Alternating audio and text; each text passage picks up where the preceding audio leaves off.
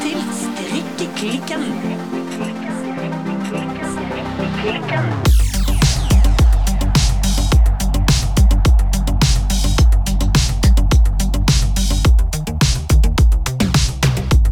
Hei, Birte. Hallo, Silje. Birte, Ja, hva strikker du i dag? du. Ja. Jeg strikker. jeg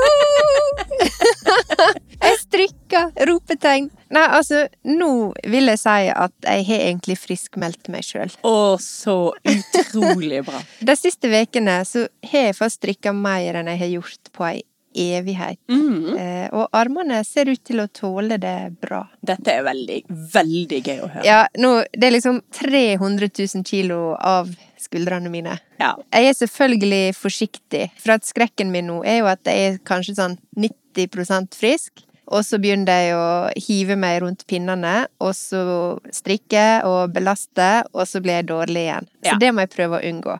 Så det er veldig mye strekking og tøying og risting på hendene og pause. Men jeg gjør det mest preventivt. Altså ikke fordi at jeg er låke i armene, men fordi jeg prøver å være en litt smartere strikker. Det høres veldig klokt ut.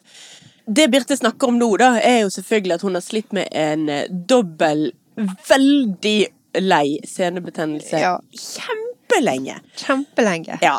Så nå, etter mye behandlinger og behandlinger og hvile, atter med hvile og eh, Ja. mye triks og råd, Ja. så har du nå endelig rett og slett erklært deg sjøl for frisk. Ja, nå, nå må jeg bare håper jeg sette strek og si at nå blir det bra. Ja. Og nå merker jeg også at strikkelista mi, den går litt løpsk.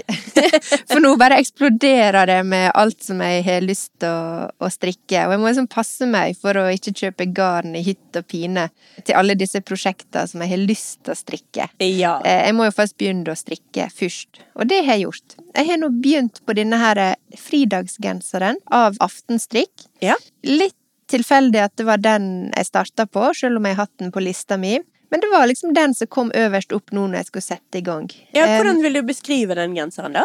Nei, altså, det er jo en flettegenser. Ja. Som blir strikka i Vams fra Rauma. Ja. Og det er jo 100% norsk ull. ja ganske litt sånn tungt garn, ikke det? Jo, jeg er litt usikker på om dette er det beste rehabiliteringsprosjektet. Ja. Mm. Men jeg får strikka et par omganger per dag, og så vokser jo genseren litt og litt på pinnene. Men det første jeg gjorde, var å gå gjennom oppskrifta, og jeg fikk god hjelp fra min kjære mor.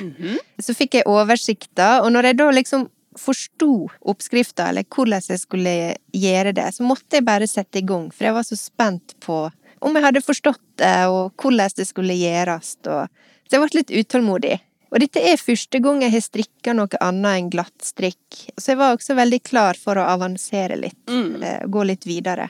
Grunnen til at det kanskje ikke er det beste sånn her eh, rehab-prosjektet, det er jo at tråden er ganske grov. Den glir ikke så lett på pinnene. Nei. Jeg måtte for eksempel Jeg klarte ikke å strikke på disse her eh, Kubix trepinnene mine. Nei. For det var for lite friksjon. Ja. Eller For mye for, for mye, for mye friksjon. og ja. slett. Så da måtte jeg liksom jobbe voldsomt for å strikke. Så jeg måtte kjøpe meg eh, nye pinner, Mhm. for jeg hadde ikke denne her eh, fem og en halv som den skal strikkes på. Det er egentlig fem, men jeg går opp en halv pinnestørrelse. Ja, for vi har jo eh, tidligere funnet ut at du strikker stramt, og jeg strikker løst. Ja, jeg strikker litt stramt. Og da gikk jeg for Chiaogo-pinner. Eh, en gang til. Chi Chiaogo. Chiao- Nå sier jeg det bare sånn som det skrives. Ok, Er dette noen spesielle Flåttenfeia pinner som kan ta oppvask også?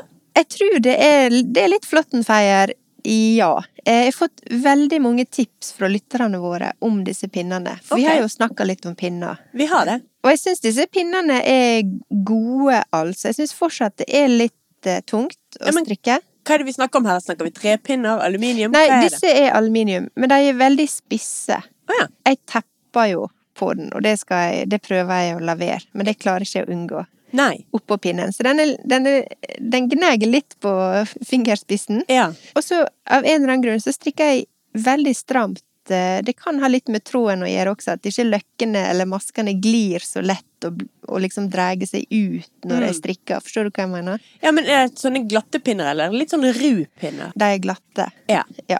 Men jeg er fortsatt litt usikker altså egentlig på hva pinner som ville vært perfekt til akkurat dette vamsgarnet, eller kanskje er det bare litt uvant for meg. Mm. Kanskje det er blitt uvant for meg å strikke i det hele tatt. Eventuelt så er det i hvert fall uvant å strikke. Jeg har aldri strikka i 100% ull før Nei. på denne måten. Nei. Ja, men nå gjør jeg erfaringer som jeg vil ta med meg videre. Ja.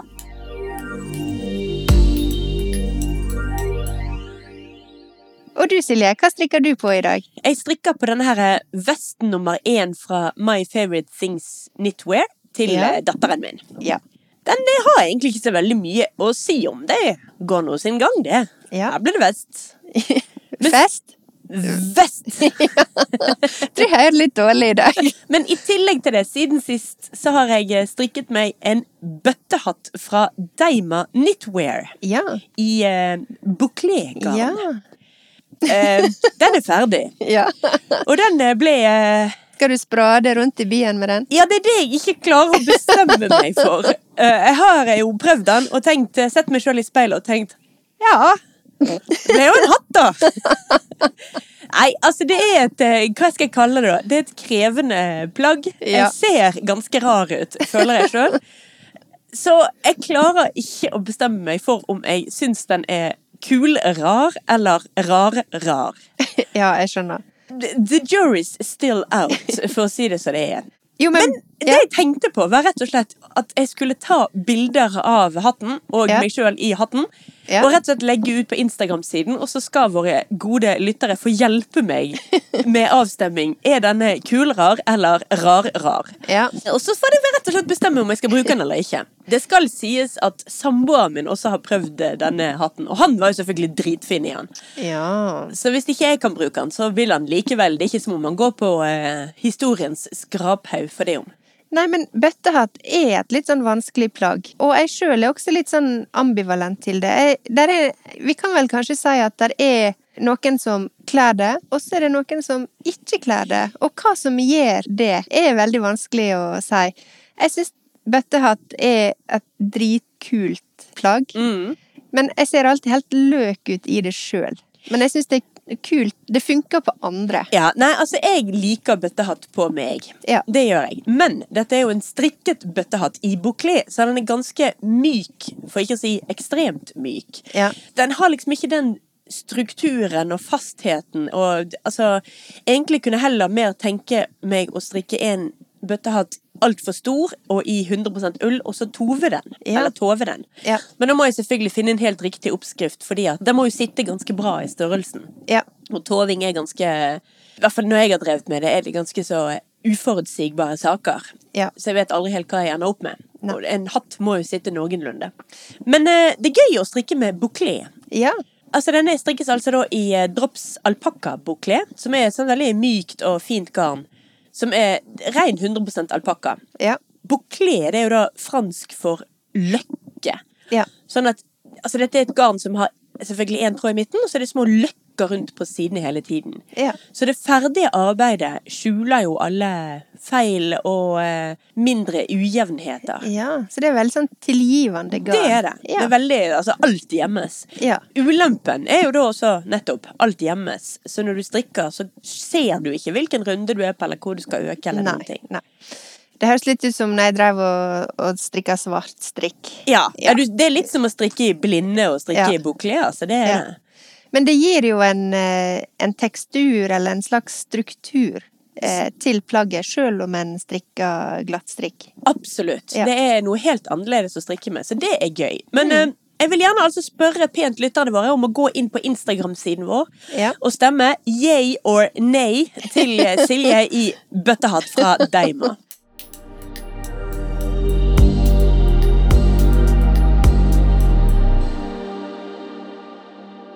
Altså, jeg har jo begynt på denne her fridagsgenseren. yep. Og det var jo egentlig litt tilfeldig, men det passer jo også veldig bra, i og med at vi i dag skal snakke om strukturstrikk. Ja, for den er jo flettegenser, og flettegensere er strukturstrikk. Det er det. Jeg prøvde å leite litt etter en slags defin definisjon på strukturstrikk. Ja, en definisjon-definisjon. Ja, og da kan en snakke både om strukturstrikk og hålemønster. Eller hullmønster, som de andre Eh, kaller det. Ja.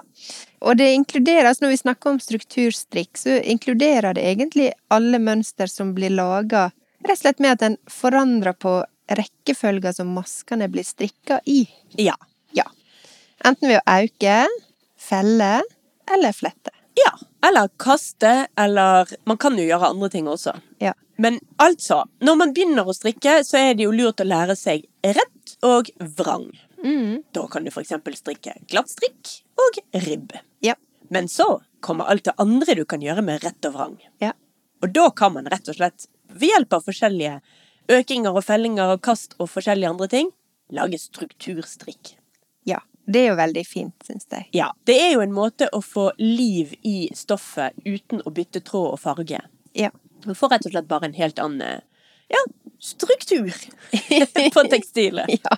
Eller en kan, hoppe håper jeg, jukse litt med å bruke buklegarn, for eksempel. Ja, går det som strukturstrikk? Nei, det gjør jo ikke det, men det ser litt Det ser annerledes ut. Ja. Ja. Og så er det sånne ting som jeg sannelig ikke vet om regnes som strukturstrikk, men for eksempel perlestrikk og halvpatent og sånne ting som det. Regnes det som strukturstrikk? Altså, jeg ville ha sagt ja, men eh, her er jeg eh, på litt sånn, eh, håper jeg, gyngende grunn. Ja. ja men da gynger vi litt. Men jeg ville ha, vil ha tenkt det. At Ja, det er Da svarer vi et høyt og tydelig tja til det. ja. Det vet vi ikke. ja. Men det kan være. Men vi kan, just for today, så kan vi ta det med i strukturklubben. ja. Men altså, du har jo holdt på med denne her eh, Ella-genseren fra Rauma. Ja. Eh, og det er jo i høyeste grad eh, strukturstrikk. Ja, det er jo en genser jeg har holdt på med i 318 år. Ja. Og jeg har jo også knota mye med liksom at jeg har prøvd å finne den på Instagram, og liksom Nå skal jeg vise lytterne våre hva Ella-genseren fra Rauma egentlig er. Mm. Det er ikke så lett, for det er altså en annen genser som også heter Ella-genseren. Ja. Men det morsomme, det er jo at Ella-genseren til Rauma er akkurat det samme, virkelig akkurat det samme, som bladgenseren til Rauma. Ja. Det er bare et spørsmål om hvilken vei du bruker den. Ja. Hvis du bruker den på retten, så heter den bladgenseren, og hvis du bruker den på vrangen, så heter den Ella-genseren. ja. Men tenker du at eh, Altså, Ella-genseren, den er jo med vrangsida ut. Ja. Men tenker du at eh, den kan brukes på begge sider? Det er ikke bare noe jeg tenker, det er rett og slett det, Det er- Rauma tenker. Det er det som er meninga. Ja da, Ja. men de har den da som to forskjellige gensere. Ja. Sant? Med den ene siden ut har de gitt den ett navn, altså Ella, Ja. og med den andre siden ut har de gitt den et annet navn, altså bladgenser. Ja. Men oppskriftsmessig er det 100 den samme genseren. Ja, for altså, mønsteret er jo helt nydelig, og du satt jo her og jeg så du strikka på arma her en dag. Og da hadde du den liksom på vranga, men da var den med rettsida ut. Ja, for den- det her bladmønsteret er jo superfint. Det er det. Altså, jeg Det er ren smakssak, så foretrekker jeg den med, håper jeg, si, boblene ut. Mm. Men eh, som sagt, den Det er egentlig en sånn en genser du kan rett og slett snu og vende på ettersom hvor du har sølt mest eh, egg på den, for eksempel. For eksempel. Ja.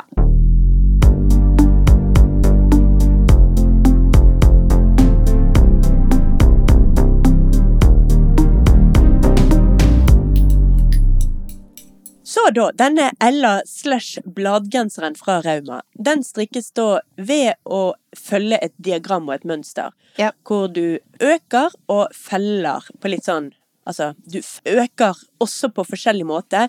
Når du kommer bortover, så strikker du to sammen, og så etterpå gjør du ved å strikke Altså, ta av en maske løs, strikke en maske, og ta over den masken du har strikket. Og så gjør Ja. du dette på hver pinne på forskjellig sted. Og dette Ja. høres jo veldig komplisert ut, Ja. og er nok litt knotete når du først skal inn i den. Ja, jeg vil ikke si det ser ut som en enkel genser å strikke. Det er enkelt når du har falt inn i det. Jeg Ja. ser ikke i det hele tatt på diagrammet eller oppskriften lenger. Nei. Kaster ikke et blikk på det. Nei. For nå kan jeg det mønsteret der. Ja. Og det tenker jeg at er veldig viktig å forklare når det gjelder all type strukturstrikk, for folk som aldri har holdt på med det. Ja. Ja, det er litt knotete helt i begynnelsen. Ja. Men når man faller inn i mønsteret og ser logikken, så er det mye lettere enn man skulle tro. Ja, altså med denne her fridagsgenseren, Ja. så var jo jeg litt bekymra fordi at jeg syns oppskrifta ved første øyekast var litt gresk. Diagrammet kunne jo jeg på en måte forstå, men jeg måtte jo også forstå hva det betydde i praksis. Ja. Men når eh, mamma så på oppskrifta, Så sa hun med en gang ja ja, jeg skjønner hvor den skal være, denne her ville jeg bare strikka uten oppskrift. Fordi at hun bare med en gang så ja, der skal det være sandflette, der skal det være sand. Så liksom gangen i den med en gang. Ja. Mens jeg må liksom nilese og nistirre, og ja, men her står det fem, og der står det sju, og hva betyr det, og Men så etter hvert så forsto jo jeg eh, oppskrifta, Mm. og den var jo hva skal jeg si, den er jo ikke vanskelig å strikke. Det er jo bare det at du må fylle litt med. Ja. Og sånn som jeg gjør nå, så det er jo den første runda som er, altså første omgangen, som er viktig at en får telt rett. Ja. Og liksom disse her Det heter vel ikke rapporter, eller gjør det det? Jo da, det heter rapporter i et diagram. Altså passe på at du liksom får dem korrekt Ja. på den første runden. For så bare strikker jo du på en måte etter det. Ja. Så må jo du bare holde styr på omgangene. Hvor hen du var. Ja.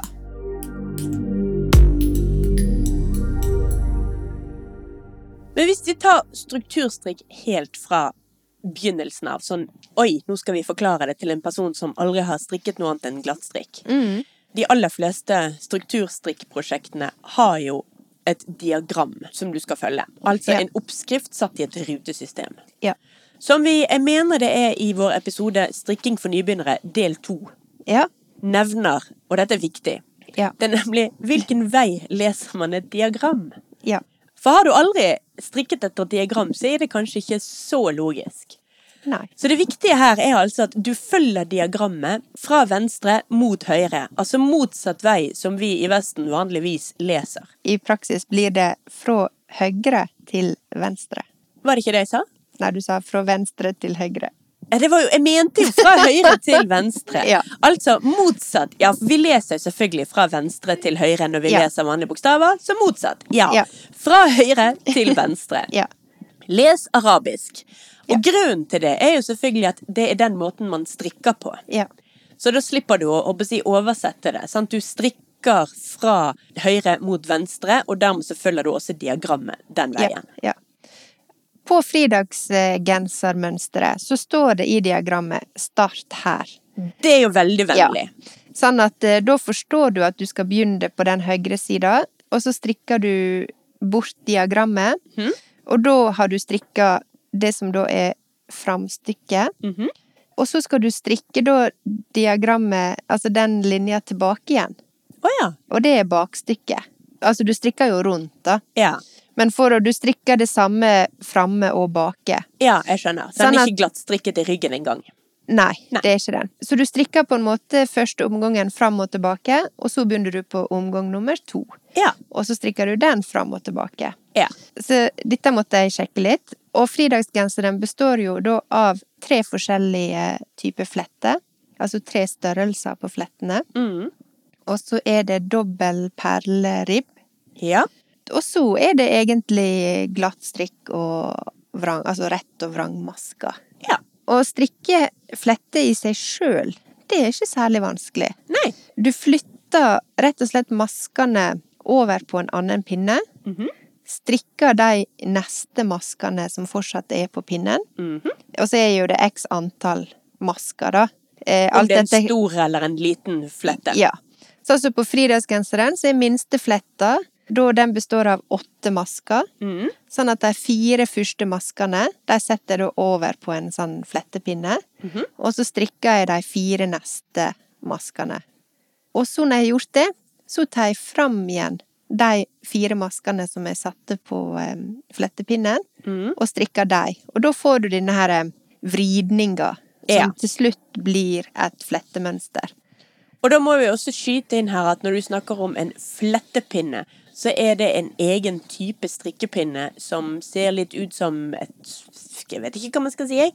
Ser ut som du har tatt en strikkepinne og bøyd den på litt pussig måte. Ja, du trenger tydeligvis ikke å bruke sånn flettepinne. Du kan bruke bare en vanlig ekstrapinne. Mm. Noen som er kanskje litt mer erfarne, flytter bare maskene fram og tilbake og får det til å funke. Mm. Men der er ikke jeg kommet. Så disse her flettemønstra, da Altså, oppskrifta går jo på omganger. Sant? Hvis du skal ha store fletter eller små fletter, handler også om hvor ofte du da tar disse her eh, maskene av og på denne flettepinnen. Altså, de små flettene i denne fridagsoppskrifta, Da er det hver fjerde omgang skal du ta de små flettene. Mens den nest største fletta, da skal du ta hver åttende omgang. Sånn at da strekker jo den seg litt Altså den blir større, rett og slett. Og den tredje fletta, den har jeg ikke begynt på ennå, men den tror jeg kommer på hver tolvte omgang, eller noe sånt. Ja. Så verre enn det er det faktisk ikke. Nei. Det som jeg var litt usikker på når jeg har strikka disse her flettemaskene, er om du skal strikke dem løst eller fast. Når du liksom får til denne her vridninga og henter fram igjen. Mm. Så det er ikke helt, helt funnet ut av om du skal liksom stramme veldig til når du strikker disse her eh, maskene som du bytter på å strikke, eller om det kan være litt eh, løst. Men det som er det viktigste å følge med på når du strikker flette, det er hva vei fletta skal gå. Mm. Om den skal peke mot høyre eller mot venstre. Mm. Og den kan gjøre begge deler også, alt etter hva side den er på, for eksempel. Og måten du strikker det på, er jo at dersom du skal strikke ei flette til høyre, så skal du da ta disse, når du tar maskene over på flettepinnen, så skal du legge den masken bak strikketøyet mens du strikker de resterende maskene. Ja. Og så tar du den fram igjen og strikker de maskene som du hvilte på pinnen. Når du skal strikke mot venstre, da gjør jo du det samme, men du lar flettepinnen hvile på framsida av strikketøyet. Mm. Og så strikker du videre, og så tar du dem fram igjen. Så da vrir fletta seg faktisk da enten til høyre eller venstre, alt etter om du lar den ligge bak eller fram. Ja. Og mer komplisert enn det er det faktisk ikke.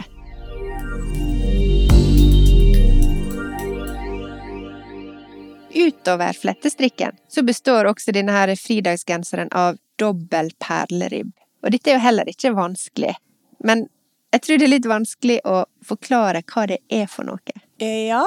Altså, vi har jo faktisk snakket om perleribbe før, her i vinter når vi hadde balaklava nummer én-fest, og strikket oss balaklava nummer én fra My Favorite Things Knitwear, hele gjengen. Ja. Den er jo strikket i perleribb. Ja, men den ser annerledes ut enn denne perleribben, Å ja, faktisk. så rart. Ja, jeg skal ta og vise deg. Vent da. For at nå husker ikke jeg helt i hodet fra liksom oppskrifta hva den heter, denne her eh, perleribben på balaklava. Men hvis du ser her, nå har jeg med meg denne den her begynnelsen på fridagsgenseren. Mhm. Altså den her doble perleribben som er her, den er jo mye mer sånn klumpete. Mens den eh, perleribben som er på balaklavaen, den, den følger jo på en måte et mønster, sånn at du får disse her stripene på en Ja, altså, jeg må jo si at jeg ville ikke kalt dette for perleribb. Jeg ville kalt dette for perlestrikk. Ja, men kanskje det er det. Fordi at her er det jo ingen ribber, altså ingen striper som går oppover. Her er det jo rein perle... Dette er jo bare perlestrikk, ikke det? da? Kanskje det er perlestrikk. Eller ok, da. Jeg kan se at du har jo to Ok, du har ikke én over én, du har to over to her. Ja, og det er derfor det heter dobbel. Ja, Da ville jeg kalt det for dobbel perlestrikk. Ja, Ikke, men men, jeg ville ikke brukt ordet ribbe. Nei, men kanskje det heter perlestrikk. Dobbel perlestrikk. Dobbel perlestrikk. Kan ja. vi bare ta patent på det som sånn strikkeklikken Name this child eh, dobbel perlestrikk? Jo, men det er helt sikkert uh, det som står i oppskrifta. Vent to sekunder. Dobbel perlestrikk. Hei, hei! Hei! Så Du, da er altså- altså ikke Nei, ikke perleribb. men dobbel perlestrikk. Stryk det. Dobbel perlestrikk. Og da er det nøyaktig sånn som du sa, at du strikker to ganger rett, og så to ganger vrang. Ja, og for helt nybegynnerstrikkere så må vi altså skyte inn at perlestrikk har et fint navn, men det er altså ekstremt enkelt. Ja. Når du strikker vanlig glattstrikk, så strikker du jo da rettmasker på den ene siden, og så når du skal strikke tilbake igjen, strikker du vrangmasker på baksiden. Når du strikker ribb, så strikker du rett, vrang, rett, vrang, rett, vrang, og så når du snur, så snur du det omvendt, sånn at vrang kommer over vrang, og rett kommer over vrang. Perlestrikk er bare at når du da snur og strikker tilbake, så strikker du rett over vrang og vrang over rett. Ja, du strikker på en måte motsatt. Ja.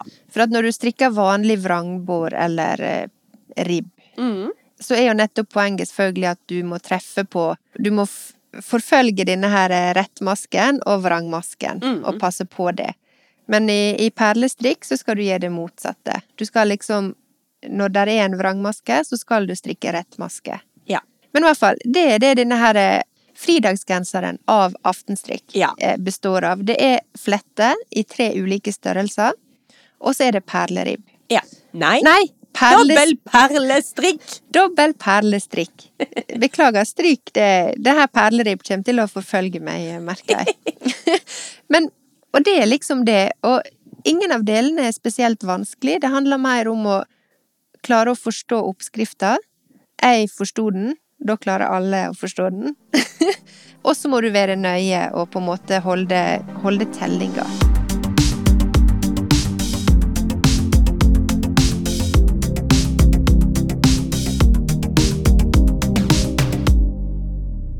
Jeg har aldri strikket flettegenser. Jeg har strikket flettemønster på et eh, skjerf en gang, Ja. men det er lenge siden.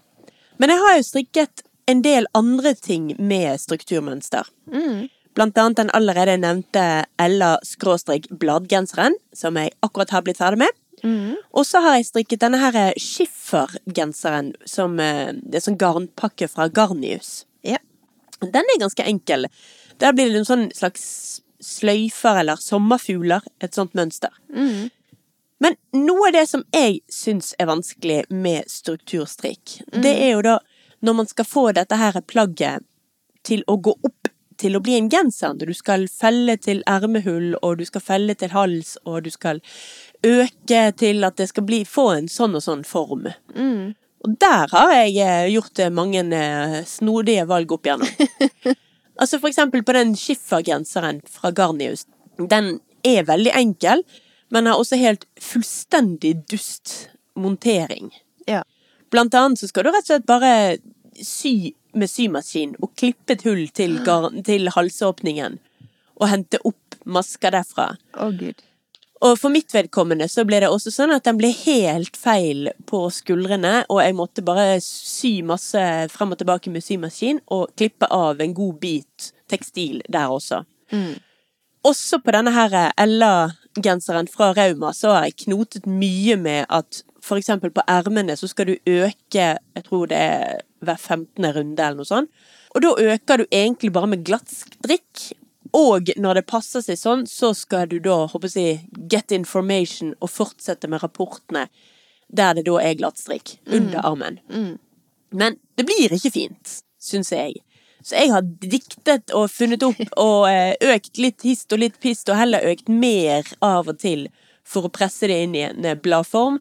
Og så, så jeg syns at det der er Det er helt klart en utfordring med strukturstrikk for meg. Ja, men nå når du sier det, jeg prøvde jo meg Det var jo i fjor vår. Så var jeg Etter jeg hadde strikka en del når jeg nettopp da hadde begynt å strikke, så var jeg litt overmodig, og så kjøpte jeg garn til denne her bølgegenseren. Mm. Kristianes bølgegenser. Ja, den som vi snakket om for en god bit tid siden, det er jo denne som er inspirert av den Ganni-genseren som var så enormt populær. Ja. Den syns jeg er kjempefin. Men når jeg prøvde meg på den, og prøvde å finne ut av den oppskrifta Jeg klarte ikke det da, og jeg har ikke tatt den opp igjen siden. Men da la seg flere plasser at det var mange som knoter med armene på den også. Ja. Altså arm Ja, rett og slett hvordan en skulle løse det her med å få armer på den. For sånn som jeg har forstått det, så strikker du den først som en slags vest, og så skal du på en måte ja, nå husker jeg ikke helt nøyaktig, strikke på eller montere på armene etterpå. Og her tror jeg også at eh, det har vært mange improviserte løsninger på, på den biten. Mm. Jeg kom aldri så langt, men nå når du sier det nå, ja, dette er nok, eh, dette er nok en generell utfordring. eh, Kanskje mer på struktur og mønsterstrikk enn på glattstrikk.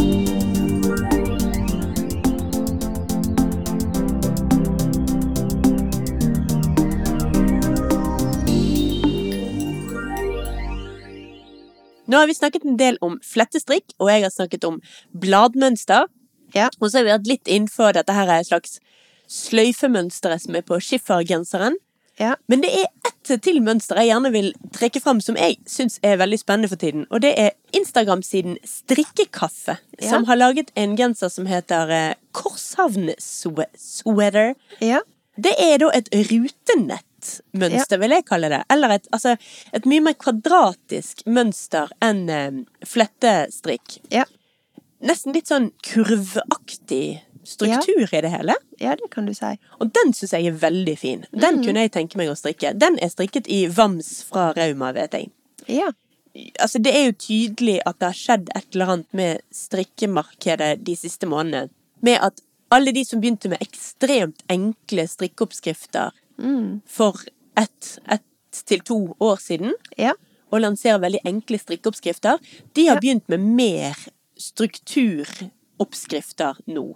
Ja, der er litt av sånn eh, Hva du skal si Økning i, eh, i programmet. Ja, i vanskelighetsgraden og Ja. ja. ja, strukturstrikk skal inn. Ja. Man har liksom ikke slengt seg på mønsterstrikk i den grad at man strikker med flere farger ennå. Altså i hvert fall ikke de største og hva skal man si, new up and coming strikkeoppskriftfabrikantene som Vitre yeah. og alle disse som vi snakker så mye om. Ja. Det er ikke blitt så mye sånn mønsterstrikk i form av flere tråder. Nei, Men ikke foreløpig. Ikke foreløpig, nei. Nei. Men strukturstrikk har de slått seg på. og Det har de yeah. slått seg stort på. Der er sokker i bikubemønster og gensere med kompliserte ting. Der er den her Jenny Jacket fra Petit Nytt. Der er Ja. mye forskjellige strukturer som kommer. Ja, en ser jo litt nå at eh, mange som kanskje starter veldig, med veldig begynnervennlige oppskrifter, litt sånn alle skal med, begynner å avansere litt eh, nå. Som du sier, gir seg utslag i eh, mer og mer avanserte oppskrifter. Blant annet My Favorite Things Knitwear, som vi også snakker veldig mye om her. Der kommer jo Eller den er vel kanskje kommet akkurat eh, nå, en eh, Altså sweater nummer 15, som er jo da en rein flettegenser. All over. Det er bare flette. Så en ser jo at eh, det skjer ting, og du har også denne her Marseille Mar Hvordan ville du sagt det? Marseille, byen Marseille. I- Marseille. Marseille. Marseille. Marseille. I, Og så får du må si det på fransk, og så er det sånn Marseille. Mars. I alle fall oppkalt etter en by i Sør-Frankrike. Yep. Med sånne her eh, striper Det er jo ikke en strukturstrikk, men der er i hvert fall kommet inn striper. Eh, og det er jo også annerledes enn disse her eh, typiske ensfarga, gjerne beige og grå eh, glattstrikkgenserne som vi har sett veldig mye av i det siste. Ja, og for ikke snakke om denne her chunky Dahlia som fra Lenit, som fullstendig over, overtatt Instagram-kontoen.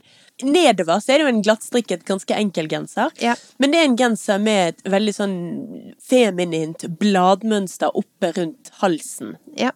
Som da er helt klart strukturstrikk. Ja, og som vi var inne på, altså selvfølgelig har du hatt eh, bølgegenseren som har vært superpopulær eh, veldig lenge, og jeg har også lest om folk som begynte å strikke med den, den bølgegenseren som sitt første plagg. Oi! Da tenker jeg, da er du en, en natural eh, på strikking, tenker jeg. Ja, da det, det var det voldsomt å begynne rett på bølgegenser, ja. Ja. Så strukturgenser, og, altså om det er flette eller, eller mønsterstrikk, det har jo selvfølgelig vært her, men det er litt interessant å se nå at eh, ting utvikler seg, og for vår sin del kanskje. Du har jo, jeg vet at du har strikka halvpatent, i hvert fall, denne her Tove-svetteren. Ja da. Men Halvpatent er jo ekstremt enkelt å strikke. Ja. Men en ser at uh, vi også, vi er jo på denne her reisa, og begynner også å gå litt videre og, og lære oss nye ting, og begynner å interessere oss for litt andre typer strikk. Da snakker jeg kanskje mest for meg sjøl, da, for jeg har jo vært totalt på glattstrikk. Ja. Men det var mitt nivå. Balaklava nummer én var jo den første jeg strikka som var kanskje litt mer sånn Hadde litt mer struktur i seg. Ja, som vi Ja. allerede har bestemt. Den hadde jo da eh, perleribb. Ja, Ja. det hadde den. Eh, og nå har jeg kasta meg på perlestrikk. Dobbel perlestrikk. Dobbel Ja. perlestrikk. Yes.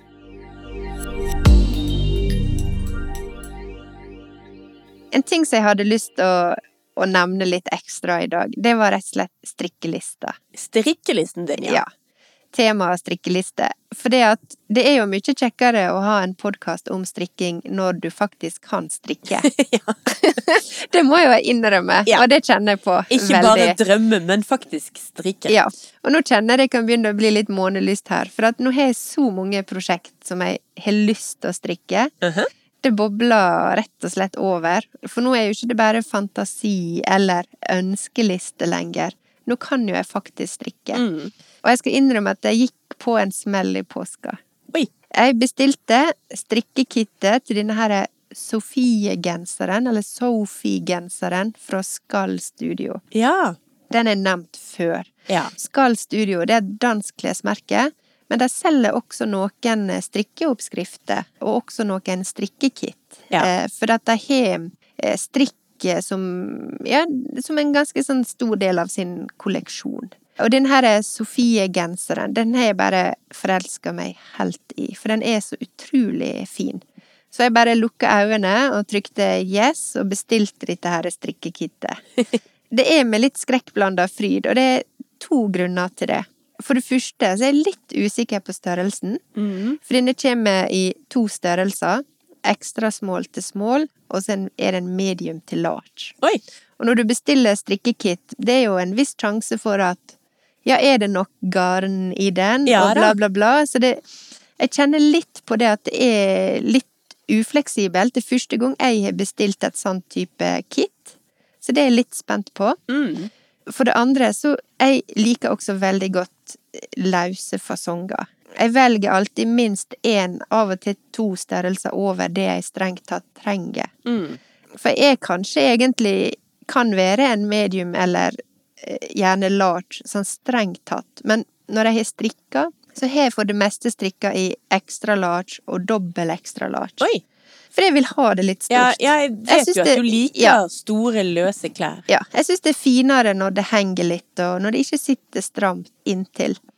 Så jeg er veldig spent på det med størrelsene. Mm. For det andre så er nok denne genseren ganske vanskelig å strikke. Okay. Jeg har lest at det kan være en utfordring, men absolutt doable. Men nå har jo ikke jeg så veldig mye erfaring med strukturstrikk. Nei, for er det en strukturstrikk? Hvordan vil du beskrive Ja. denne genseren? Den er jo ikke kjempeulik fridagsgenseren, men så er den også veldig ulik. Men det er en flettegenser? Det er, der er flette, og så er det noen sånne greier som ligger på utsida av strikken, på en måte. Ok. Og så er det vel eh, enten enkel eller dobbel perlestrikk resten. Ok. Ja. Den er kjempefin. Jeg vil si hvis fridagsgenseren kanskje Jeg får litt mer sånn eh, kose seg på hytta-følelse, hvis det er lov å si. Av den ferdige genseren eller strikkeprosessen? Ja, nei, av den ferdige genseren. Mhm. Mens denne her eh, Sofie eller Sophie, den er kanskje litt mer sånn gå på kafé og drikke en eh, cappuccino. Oh la eller noe sånt. Ba, ba, ba, Ja. Ja, Hva farger eh, snakker vi om? Det har ikke du forresten sagt noen ting om, verken på aftenstrikken eh, Eller altså fridagsgenseren din, eller denne Sofie-genseren. Fridagsgenseren er i lysgrå, Ja? og Sofie-genseren er i lysgrå. Nei, det er det! Nå går du for spennende fargevalg her. Men fargevalget var jo gitt på denne Sofie-genseren, for det var jo strikkekit. Oi, du har ikke noe valg på fargen? Nei. Å, wow, de er strenge. Ja, så den var sånn som den, eh, sånn som den var. Så det er flere grunner til at jeg er litt sånn uh, hva har jeg gjort? Jeg vet at det ligger tutorials ute på denne her Sofie-genseren, så jeg skal nok klare å krangle meg gjennom den, sånn som jeg har gjort med, med andre prosjekt eh, tidligere. Ja. Og så får jeg litt erfaring nå med fridagsgenseren, selv om ikke de er like, men jeg blir i hvert fall litt mer kjent med Ja, altså Ja, å lese diagram og, Ja. og forstå eh, logikken i flette, flettestrikk. Ja, og strikke noe annet enn glattstrikk, Mm. for eksempel.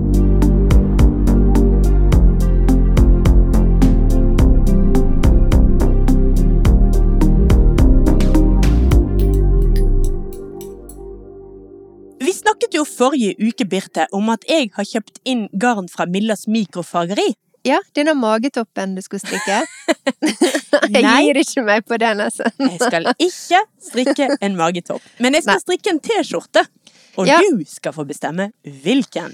Ja, altså når vi snakker da om eh, vårstrikk eller sommerstrikk, så, så kjente jeg at vi ganske fort gikk over på å snakke om T-skjorte. Mm. Og vi har jo fått veldig mange tips fra lytterne våre. Ja! Ja, og det er jo kjempekjekt. Ja, for vi la jo ut bilde av dette her fantastiske garnet på Instagram og Ja. Facebook-siden vår. Spurte jo da om tips til hvilken T-skjorte jeg kan strikke av dette garnet. Ja, og vi fått tips både i kommentarfeltet, men også på, på DM, så det har vært superbra. Og jeg, jeg ser jo det at eh, ja, vi snakker T-skjorte. Vi snakker T-skjorte. Det er heldigvis ingen som har bedt meg om å strikke en magetopp. Nei, eller hotpants. men eh, det var jo flere forslag. Altså Ankers bluse fra Petini Ja. litt nevnt. Perfect eh, T-skjorte fra Pickles. Ja. Zweig sweater. Og misurinati har blitt nevnt. Ja. Men kanskje den som har fått flest um, mentions, Ja. eller shoutouts, er det det en sier på podkastspråket? ja eller eh, benevninger, Ja. som vi sier i Ulsteinvik. I, nei, der sier ikke vi benevn, benevninger. Be, aldri B-ord eh, på nynorsk. Oi, er det sant? Altså Nei, ja, ja, ja, ja. ja. Jøss. Nevninger? Ja, ja nei, så nå veit jeg ikke hva han ville ha sagt. eh, Hva ville han sagt på norsk? Jodling? Altså, den T-skjorta som har blitt eh, nevnt mange ganger, Ja. og kanskje flest ganger, er Anna Tid fra Blackbird Nits. Ja, og den Ja. har jeg vært inne og sniktittet på. Ja. Så den eh, forsto jeg at eh, den slo godt an. Ja. Ja. Så da tror jeg Jeg tror du skal bare strikke den, jeg, Silje. Åh, vet du hva? Jeg må innrømme at det var det jeg håpet at du skulle bestemme. Ja. Fordi jeg har jo tittet på disse kommentarene som har kommet inn, Ja. og har tenkt at den hadde vært noe for meg. Ja.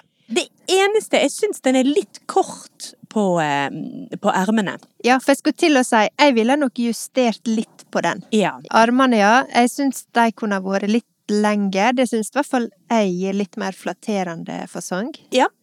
Og jeg ville hatt den litt større. Altså litt løsere. Ja, jeg tenker at denne skal, kan jeg godt strikke i, i large eller noe sånt, selv om jeg egentlig vanligvis er en slags stor small eller en medium. Mm. Så tror jeg faktisk at på T-skjorter, der liker jeg litt sånn store og løse T-skjorter. Ja. Så jeg kan godt strikke den i large. Fordi jeg har jo faktisk i mellomtiden kjøpt mer garn.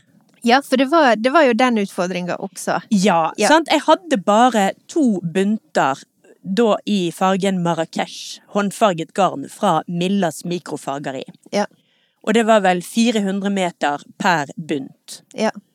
Så vi fant vel ut at liksom, oi, det var ikke så mye garn jeg hadde.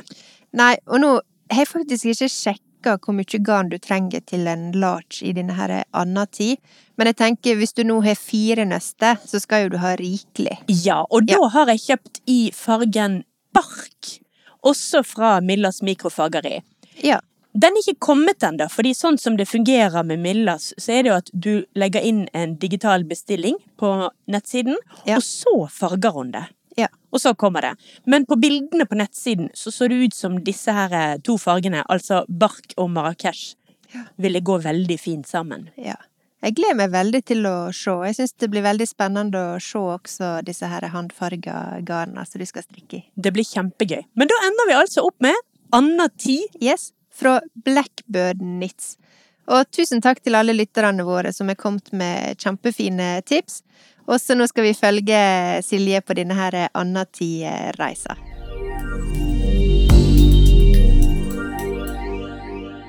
Og som om ikke det var nok eh, håndfarga garn i sving her eh, plutselig, så var vi så heldige å vinne en aldri så liten giveaway på Instagram. Ja! Ja.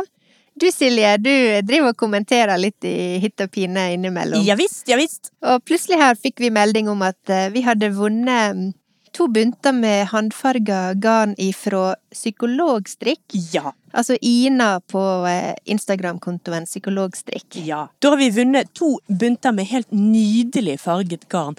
Jeg vil beskrive det som Altså, det er jo sjattert garn, det er ikke ensfarget. Ja. At det går mellom en slags lys gammelrosa og over til en oker eh, dus oransje. Helt nydelig fargekombo på disse to buntene.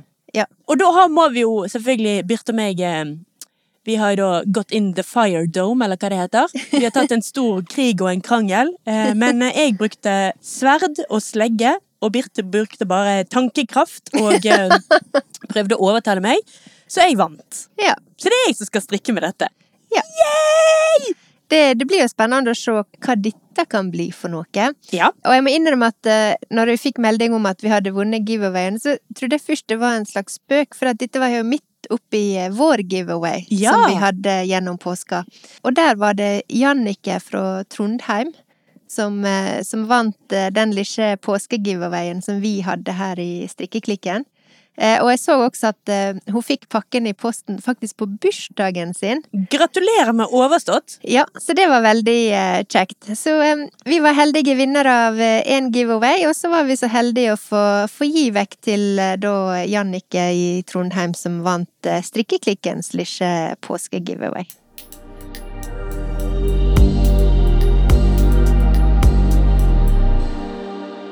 Er vi kommet dit eh, at vi må jo tipse litt. Oi, ja. Selv om vi tipser jo mye gjennom hele episoden. Ja, ja, ja, ja, ja. Eh, Men Silje, hva vil du tipse om i dag? Jeg vil egentlig tipse om to ting, men den Ja. ene går så fort at eh, det går bra. Og Gjelder- har den gjelder ikke. Og den har jeg allerede nevnt, for så vidt. For det er da denne Korshavn-genseren Ja, fra strikkekaffe. Takk. Ja. Korshavn-genseren fra Strikkekaffe. Ja. Finn den på Instagram. Den er kjempefin. Ja. Den andre, det er at jeg vil gjerne vil tipse om strikkete scrunchies. Ja. Scrunchies er jo disse tjukke hårstrikene fra 80-tallet. Mm. Eller de kom vel da, og har en stor revival nå. Ja. Med, sånn, med stoffstykke rundt. Men det Ja. stoffstykket er jo alltid laget av polyester, altså 100% plast. Så det har jo dukket opp nå på Instagram overalt at folk strikker sine egne scrunchies. Ja. Som jo selvfølgelig er mye gøyere, og superenkelt. Sant? Enten kan du strikke bare en liten flis i glattstrikk og sy den sammen på langs, eller så kan du strikke det ferdig som en tube Ja. og sy det sammen når det er ferdig. Ja. Det jeg også vil tipse om da, er at når man skal ha tak i strikk til å putte inn i dette her strikkete scrunchien, altså selve hårstrikket, Ja. så vil jeg gjerne tipse om å klippe av og bruke de strikkene som er rundt sånne engangsmasker, som vi alle flyr rundt med for tiden. Ja, munnbind. Munnbind, Ja. rett og slett. Før påske så var jo jeg fem uker på eh, sykehus, Ja. og da eh, hadde jeg glemt hårstrikk hele tiden. Ja. Og da ble det til at jeg brukte nesten bare sånne avklippete biter av de eh, munnbindene. ja. Sånn som du har brukt, og Sånn som som likevel ville gått i søpla. Ja. Ja. Så da tar du og klipper av eh, strikkbiten og bruker det som hårstrikk. Mm. Ja. Og da vil jeg altså tipse om, i tillegg til det, strikk en liten flik rundt det, og kall nødløsningen din for et nydelig, selvdesignet, selvstrikket scrunchie. Ja. It's fashion, babe. ja, på mange nivå, for det er jo resirkulering, Yep. og du strikker av restegarn, yep, yep. så du trenger veldig lite. nettopp. Supertips. Og det vil garantert matche resten av garderoben din, for du har allerede strikket resten av garderoben din. Åh,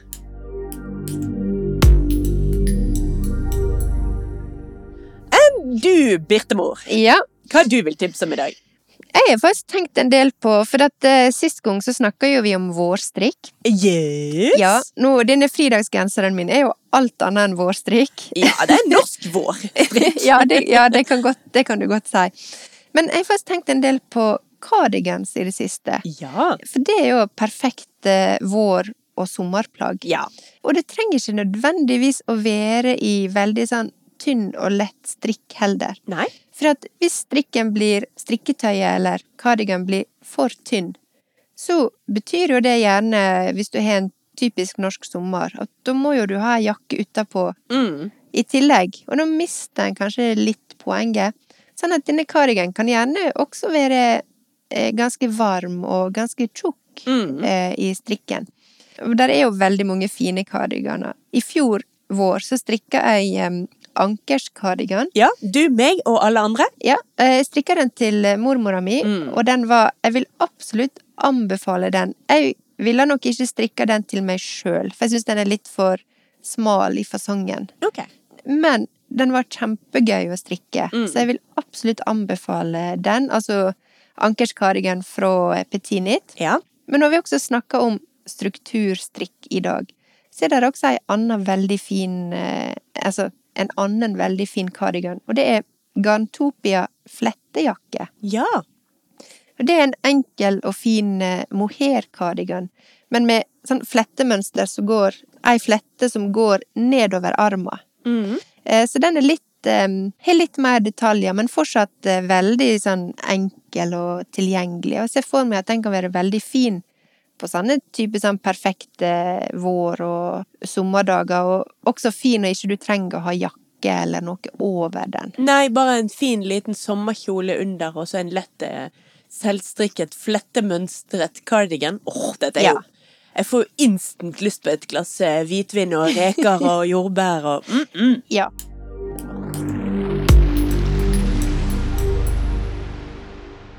Men det var det vi hadde i dag. Det var det. Da må vi bare anbefale alle våre lyttere å gå inn og stemme på yay or nay på Instagram-siden vår. Skal Silje gå med bøttehatt fra Deima, eller skal hun gi den vekk? Jeg gleder meg til å se resultatet, faktisk. Det gjør jeg òg. Vi snakkes om Grugled deg. Grugled deg, ja. Vi snakkes om en uke. Det gjør vi, Silje. Ha det bra. Ha det flott.